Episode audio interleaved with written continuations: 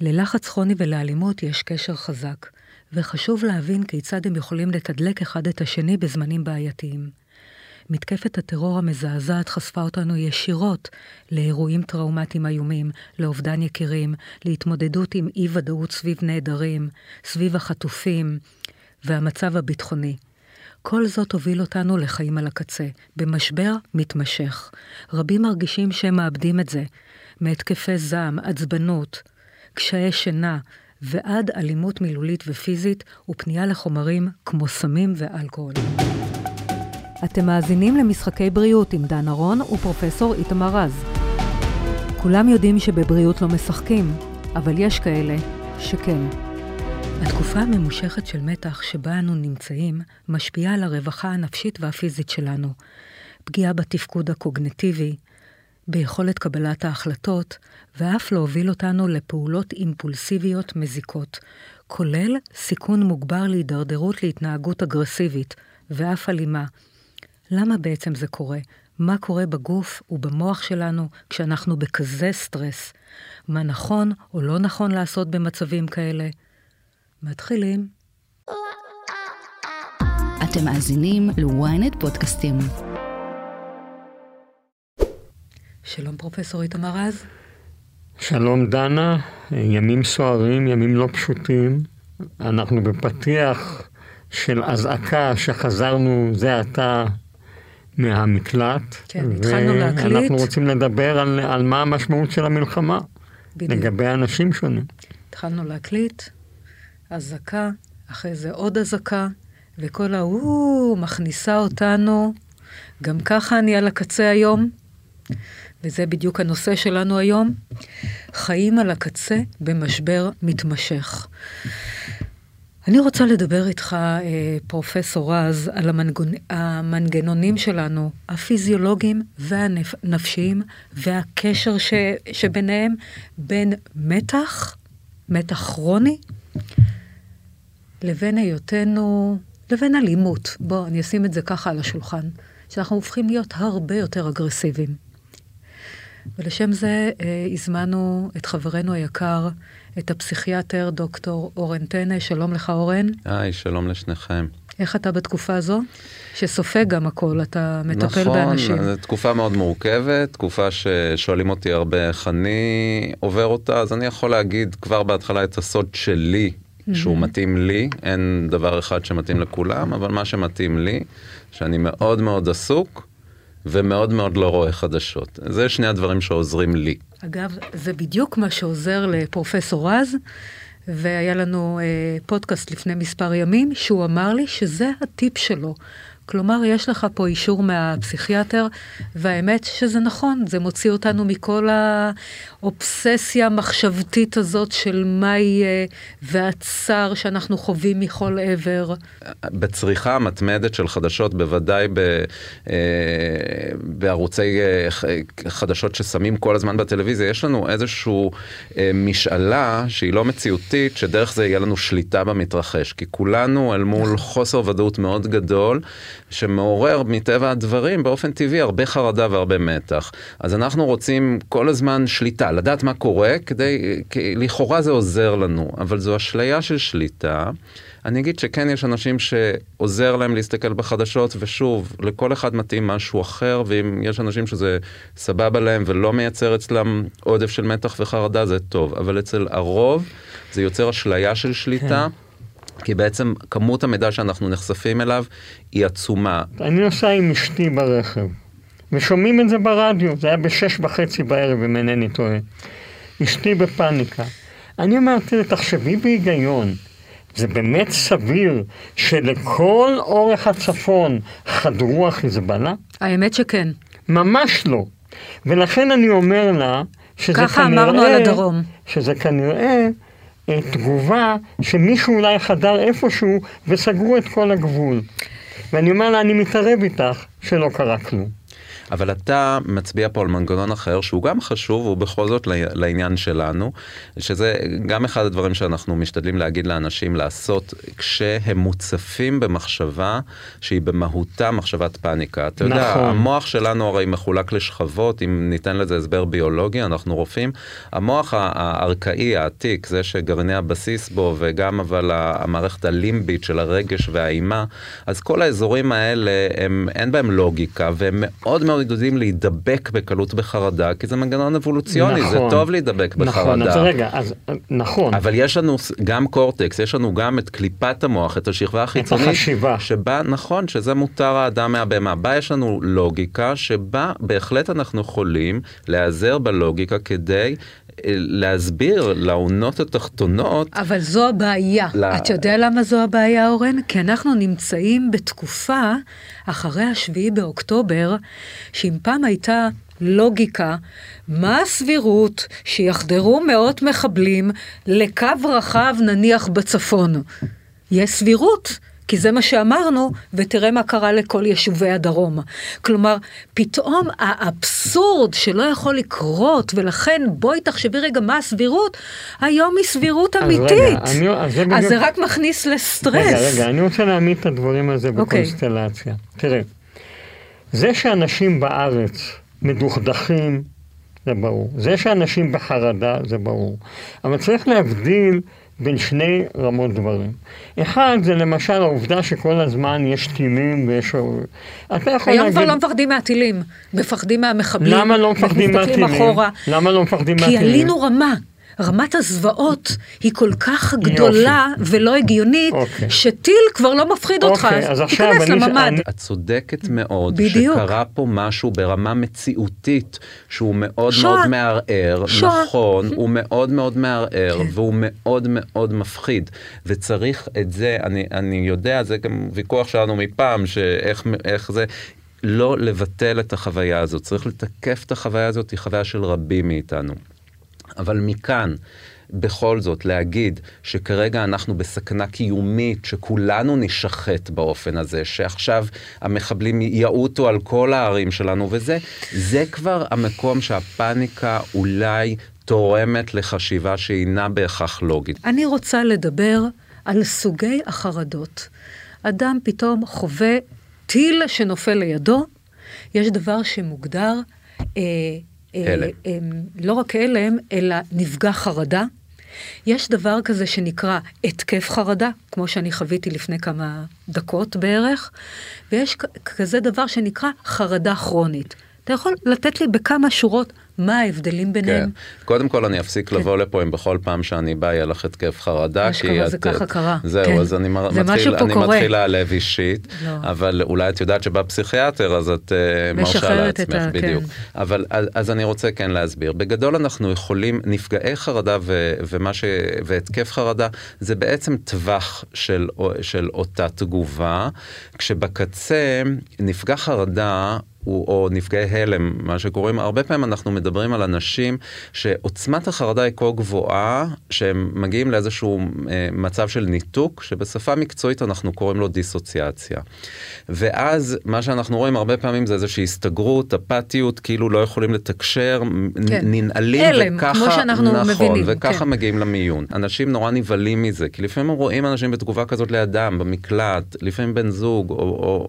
אז לא צריך לעשות הרבה וזה לא מאוד מסובך. צריך לקרקע את האדם. לפעמים אנשים באים והם מאוד מאוד נסערים במיון ואנחנו סוגרים את הווילון ועושים איתם איזו התערבות ויוצאים והרופאים האחרים, לא הפסיכיאטרים, שואלים מה עשיתם, איך זה, ואין לנו כסף, פשוט אומרים, אתה נמצא עכשיו פה איתי, בוא, בוא תחזור אליי, תיצור איתי קשר עין, תביט בי. אני כאן איתך ואני אשאר איתך עד שתרגיש יותר רגוע. היום, לקרקע אותם, היום יום שלישי, לצורך היום כן, יום חמישי, כן. כן. אבל לצורך, אה, אומרים את היום, כן. אומרים את המקום, איפה אתה נמצא, וזה, אלה כל פעילויות של קרקוע, שלמעשה זה... לחבר אנחנו- אותם לכאן ועכשיו, ולא... לחבר אותם, כן. נכון, כן. למקום, ולא, ב- שבדיסוציאציה בעצם, בניתוק, באופן פרדוקסלי, אנחנו חוזרים לאזור הטראומה. עכשיו, מי, נכון, מי יפתח פוסט טראומה מכזה דבר? קודם כל, אנחנו כרגע עדיין לא בפוסט טראומה. לאף אחד עוד אין לא פוסט טראומה. זמן. נכון. אוקיי. אנחנו כרגע מה שנקרא בפרי טראומה, בסביב הטראומה, וגם בניגוד, את אמרת נכון בפתיח שלך שאנחנו באיזשהו משבר מתמשך. זה לא אירוע שנגמר ועכשיו אנחנו אחריו, אנחנו עדיין בתוך האירוע. בוודאי לרבים מנגיד מפוני העוטף שעדיין לא יודעים איפה בני משפחה שלהם שרק קמים משבעה. האירוע אירוע מתמשך, אז אנחנו עדיין בתוך הטראומה. מי יפתח פוסט טראומה? הלוואי והיינו יודעים. זאת אומרת, אנחנו יודעים אבל דבר שחשוב מאוד שיאמר ויאמר בקול צלול. הרוב הגדול לא יפתחו פוסט טראומה.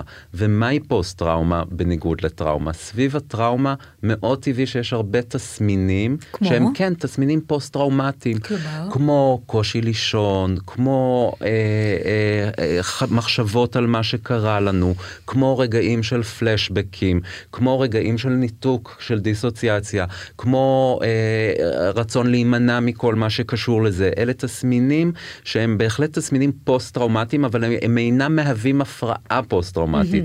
רק אם התסמינים האלה מתמשכים למשך מעל חודש, רק אם הם באים בצבר, רק אם הם מפריעים לתפקוד או לאיכות חייו של אדם. תקופה ממושכת לאחר, ממושכת כחודש ומעלה לאחר האירוע, אז אנחנו מתחילים לדבר על פוסט-טראומה, ורוב האנשים לא יפתרו פוסט-טראומה גם שהם חוו דברים קשים. אבל אני אגיד לך מה אנשים כן יחוו. השפעות של הוויסות הרגשי שלהם. אני קוראת לזה, אה, אנשים יותר ויותר, אני רואה על עצמי, כאילו על הקצה. לפעמים אומרים לי, אימא, או יריב קורא לי דנה, ואני עונה לו, מה? אתה יודע, זה מין כזה... כן. אז, אז מתי המצוקה המתמשכת הזאת יכולה להוביל אותנו למקום מאוד מאוד לא טוב, חלקנו זה מביא להתנהגות אגרסיבית, ומתי זה יכול לדרדר אף להתנהגות אלימה, קללות, אפילו מכות. אז תשמעי, כולנו, כש, יש קשר מאוד מאוד ישיר ו... בין עצבנות כן. לבין רוגזנות.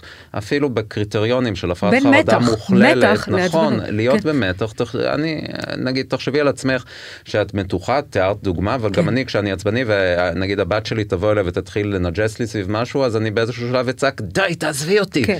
ואז תמיד היא שואלת, אבא, מה אתה כל כך עצבני? וגם יש נטייה לשקר, אני לא עצבני. כן. אה, ממש ככה, זה שזה.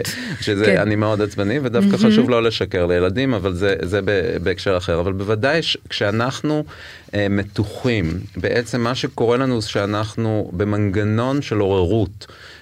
היפר אראוזל זה נקרא אנחנו הרבה יותר רגישים בעצם בגלל המערכות הביולוגיות שלנו אדרנלין שיותר זורם בגוף שלנו הקורטיזול. הקורטיזול שבסטרס כרוני עולה אז אנחנו יותר מוכנים כל הזמן לאותה תגובה אנחנו של כאילו במצב. מלחמה נכון. עם רטיות בהישרדות נכון. רגשית בלבד. רגע. וכשאת בוא- במצב מלחמה כן. כזה, אז ברור שכל גירוי קטן, פתאום אופנוע שעובר כן. ונשמע כמו אזעקה, כן. טראח את כבר בחדר הזה, פתאום ילד שעושה משהו, עושה רעש, את חוטפת קריזה וזה, הטווח של ה- של היכולת להכיל דברים והקשב הוא מאוד מצטמצם דוקטור, במצבים כאלה. כי אנחנו במוד בוא, הישרדות. בוא רגע, הבנו את, הבנו את הבעיה.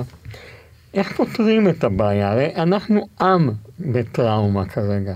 יש כאלה בטראומה קשה מאוד, כמו המפונים, יש כאלה בטראומה קשה מאוד מאוד, שאיבדו את בני משפחתם. חרדים אבל לגורל כולנו, החטופים. כולנו בטראומה.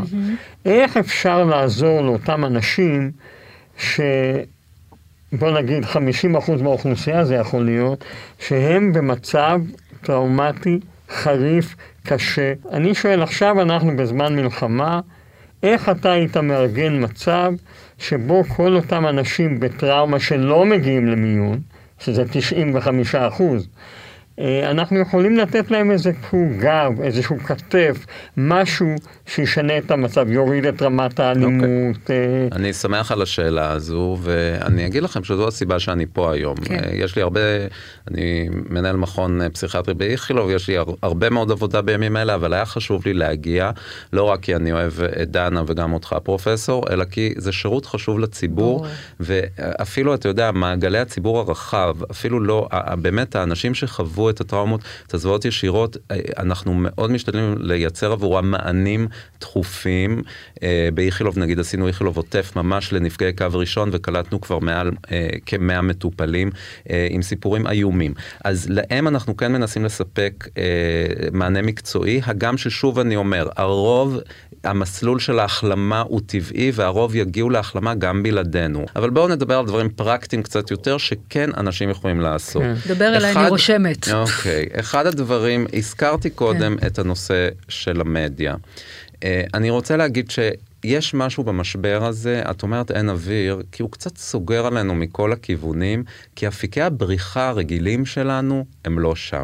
נכון. אם בעבר נגיד היינו בורחים לאינטרנט, אז אתה פותח עכשיו את האינסטגרם שלך, זה פיד מלחמה, זה מצד חושך. מצד שני, אתה גם רוצה להיות בהסברה הישראלית, נכון. אז רגע, אתה גם שנייה. צריך רגע, לצרוך את מילה, זה ולקדם מילה את זה. מילה על המדיה. מילה על המדיה. כן. מהמדיה צריך להיפרד ככל האפשר. אפשר. המדיה מעבירה לך, במדיה. המדיה מעבירה לך את אותה אינפורמציה 24 שעות ביממה, שבעצם כמעט שום דבר לא משתנה. המדיה זה גם הרשתות החברתיות. שמציגות לך את כל הדברים הכי נוראים. ואני לא בטוח שאנחנו כעם, אה, אני למשל, לא רוצה לראות כל הזמן את כל הדברים הכי נוראים. אני מפיץ אותם בכל העולם. אני לא רוצה לראות אותם. אני משמעית. רוצה נפש רגועה. אבל אני רוצה להגיד עוד כמה דברים ואחר כך אתה תוסיף. אני חושב שכל אחד היום צריך להגיד לעצמו, אני בסוג מסוים של סטרס. עם חרדה ובלי חרדה, והדרך לצאת מהדבר הזה הוא לחזור להתנהלות חיים נכונה, לאכילה נכונה, לשינה נכונה. אם אתה לא מצליח לישון בלילה, אל תישן בצהריים. תנסה לבנות את החיים שלך. אל תשתה קפה כל היום. הוא אומר משהו מאוד דבר, חשוב. עוד דבר אחד, כן. תהיה, תהיה פוזיטיבי. תהיה אוהב אדם, תחפש לך הרבה זמנים שבהם אתה עושה משהו, ולא חשוב באיזה גיל אתה, אתה תמיד יכול לשבת ולחשוב מה הייתי רוצה שיקרה בשבוע, חודש, חודשיים הבאים, לכתוב את זה, להעמיק בזה, לעשות את זה, okay. אוקיי. ללכת לעבודה. אבל איתמר אומר דברים מאוד חשובים, אז אני רוצה להגיד באמת בהקשר הזה של המדיה, אני יודע, שמענו כל הזמן את העצות האלה וזה, אבל חשוב כן לקחת את זה וליישם את זה. נכון. זאת אומרת, איך לעשות את זה? אני, אה, דוקטור רננה איתן, שהיא מנהלת המערך הפסיכיאטרי, הבוסית שלי, אז היא כתבה על המרחב המוגן הנפשי. לא רק ממד פיזי, אלא גם אנחנו צריכים איזשהו ממד נפשי. נכון. איזו רג, רגעים שבהם אנחנו יכולים להיכנס לאיזשהו מרחב שהוא קצת מנותק מהאירועים. אז אני אומר, אתם עכשיו מקשיבים לי, תעשו את זה. אני לא אומר ת, תטמנו את הראש בחול, תראו חדשות משמונה עד שמונה וחצי, אבל אל תשבו 24-7 מול המסך. תראו סרטים, אם אתם כל כך אה, תקועים בטלוויזיה. תפתחו ynet, אני, אני צורך חדשות מ-ynet מהארץ, רק שנייה. וכן אני חושב שזה חשוב להגיד דבר נוסף, לא חובה לסבול. סבל איננה נכון. תוכנית עבודה בדבר הזה. אנשים מרגישים אשמה נוראה על זה שהם יעשו דברים שאולי גורמים להם אפילו להנאה מי ישמע. אני רוצה לגעת, שנייה, אני רוצה כן. להגיד לך על זה כן. משהו. הסבל שלנו כרגע לא יעזור לא למפונים, לא ללוחמים בחזית, ולא... ו, אבל זה ולא... סבל ש... שאי אפשר להתגבר עליו. עכשיו, לא, אנחנו מדברים עליו. חברה שלי, אחיה, לא יודעים מה, הוא נהדר כרגע, אני אצא, אני... אז אני רוצה להגיד לך משהו על החברה שלי. רק שנייה, תן לי, בכל זאת, אז זה שאת תהיי כל היום, והיא מבקשת תעלי לי, וכואב לי הלב. זה בסדר גמור שאת מעורבת ושכואב לך הלב וזה טבעי, אבל זה שאת תהיי בזה 24-7 לא יעזור לו וגם כן. לא לך. לא, אני רוצה להגיד עוד דבר. ואני אומר, רגע, אני אומר, אל תהני. בשבילך, נכון. אל אל תסבלי בשבילך, תעשי את זה למען החוסן הלאומי. את רוצה כן, לתרום כן, למדינה, הבנתי. אז הפרטים בה צריכים להיות חזקים. והחוזק של כל פרט זה גם שיהיה לו מרחב מוגן נפשי. אוקיי, הבנתי, קיבלתי. אני רוצה להוסיף עוד דבר. אז תקחי, אני... כן תקחי שעה שאת שותה יין עם בן הזוג המקסים שלך, שאני במקרה מכיר אותו, והוא גם חתיך, אז, אז תהיי איתו, תשתי איתו יין ותראו כן סרט ביחד בערב. כי למה לא? הבנתי. לא? אתם לא חייבים עכשיו כל היום לשבת. כי חייבים איזה אפיזודה, אתה אומר. אני רוצה להגיד כמה דברים. כן. קודם כל, יש לי מטופלים, שאני מטפל בהם כמובן חינם, מתי שהם רוצים, שהם אנשים שאיבדו את ילדיהם, עכשיו, אוקיי? וגם הם, מה מחזיק אותם בתקופה הקשה הזאת? שהילד שלהם נלחם, שהילד שלהם עשה משהו לטובת מדינת ישראל. הם מחפשים את אותו דבר שייתן להם את היכולת להתמודד.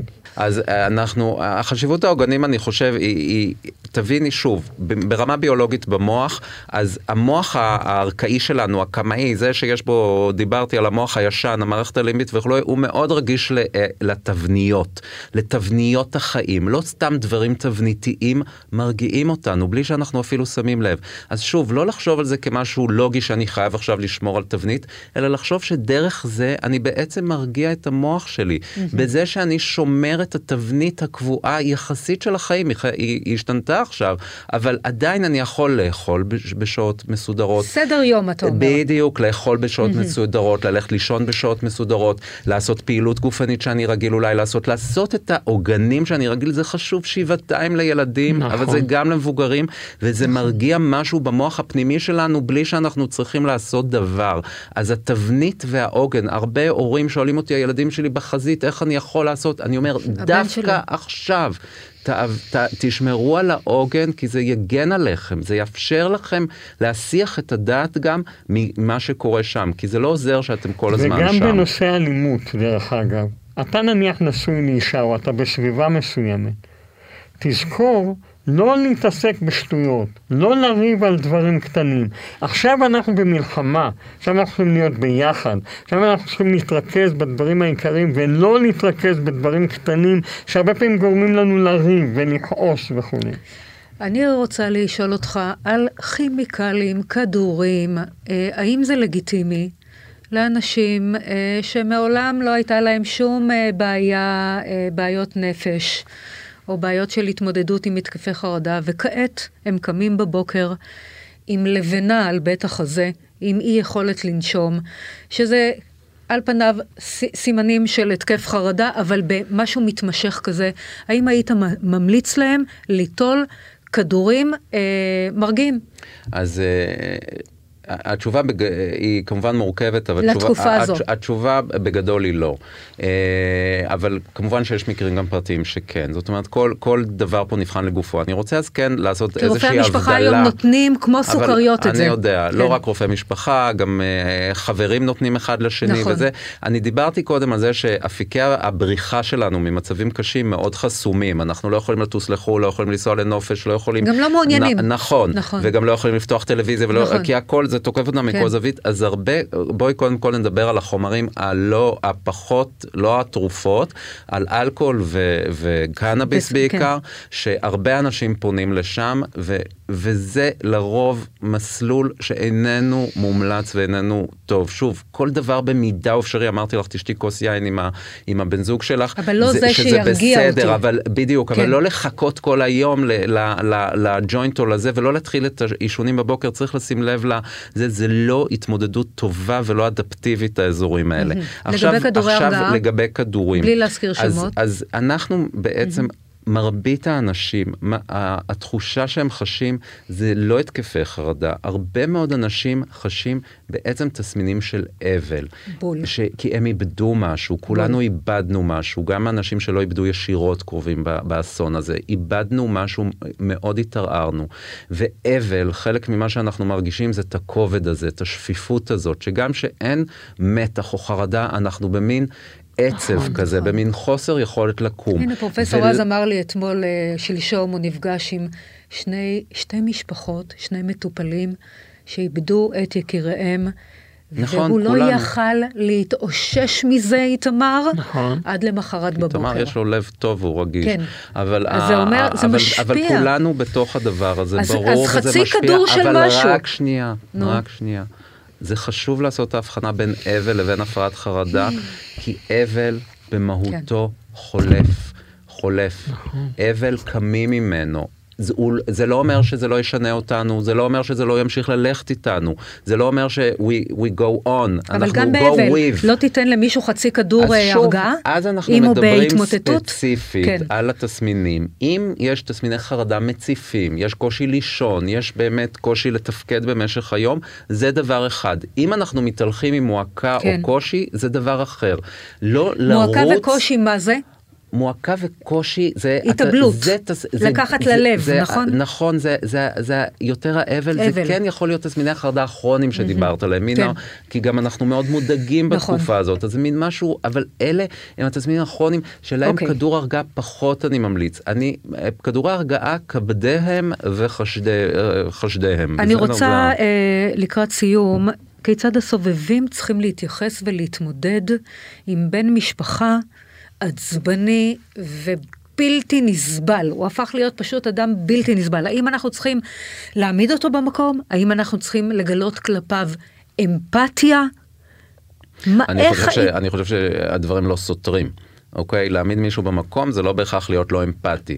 יש הבדל בין אמפתיה, שזה להבין, להיות בנעליו של האחר, לבין סימפתיה, להיות נחמד למישהו. אמפתיה זה לא אומר שבהכרח אנחנו עכשיו מכילים כל התנהגות. ואגב, בואי נדבר פה על רצף, יש גם גילאים, כי גם ילדים אגב, אצל ילדים מאוד אופייני, שלפעמים אה, חרדה וסטרס יתבטאו בהתנהגות לעומתית, אפילו באלימות. ילדים נכון. שבדרך כלל הם ילדים כאלה יזרקו טובים. דברים, יזרקו את עצמם, נכון, ירקעו- נכון, ולא ברגליים. יתלוננו על כן, חרדה או על נכון. דכדוך, זה יהיה הביטוי של זה. אז מאוד תלוי מה הגיל של מי שמולנו. אז אם אני זה מדברת על לדוגמה... מבוגרים. אוקיי. חשוב להגיד שרוב ההתמודדויות אינן כאלה. אלה התמודדויות קיצון של אנשים באמת ש... שלא יודעים מה עולה או עלה אליהם. בגורל יקיריהם. אז להם, לחבק אותם, מאוד, לתת כן. להם ההי- שיצעקו עלינו. לתת להם, לאנשים כאלה, זאת אומרת, כאילו, לבן יודע- אדם שלא יודע כרגע מה קורה לקרובים לו ביותר, והוא מאוד מאוד בלחץ מזה, אז קודם כל זה באמת לאפשר לו לבטא את המצוקה שלו. תודה רבה לך, דוקטור אה, אורן טנא, פסיכיאטר. תודה רבה לך, פרופסור איתמר רז. נודה לצוות שלנו, לבמאי גידי ישראלי, טכנאי שרון שדה, מפיקה ניצן כהן, עורכת תוכן טל לוין. תודה רבה. תודה שהאזנתם למשחקי בריאות. מדי שבוע מחכים לכם שלושה פרקים חדשים בוויינט, ואתם מוזמנים ומוזמנות לעקוב אחרינו, לקבל התראות לפני כולם, בספוטיפיי, באפל ובכל אפליקציות הפודקאסטים. ואם אתם כבר שם, נשמח אם גם תדרגו אותנו. נתראה בפודקאסט הבא.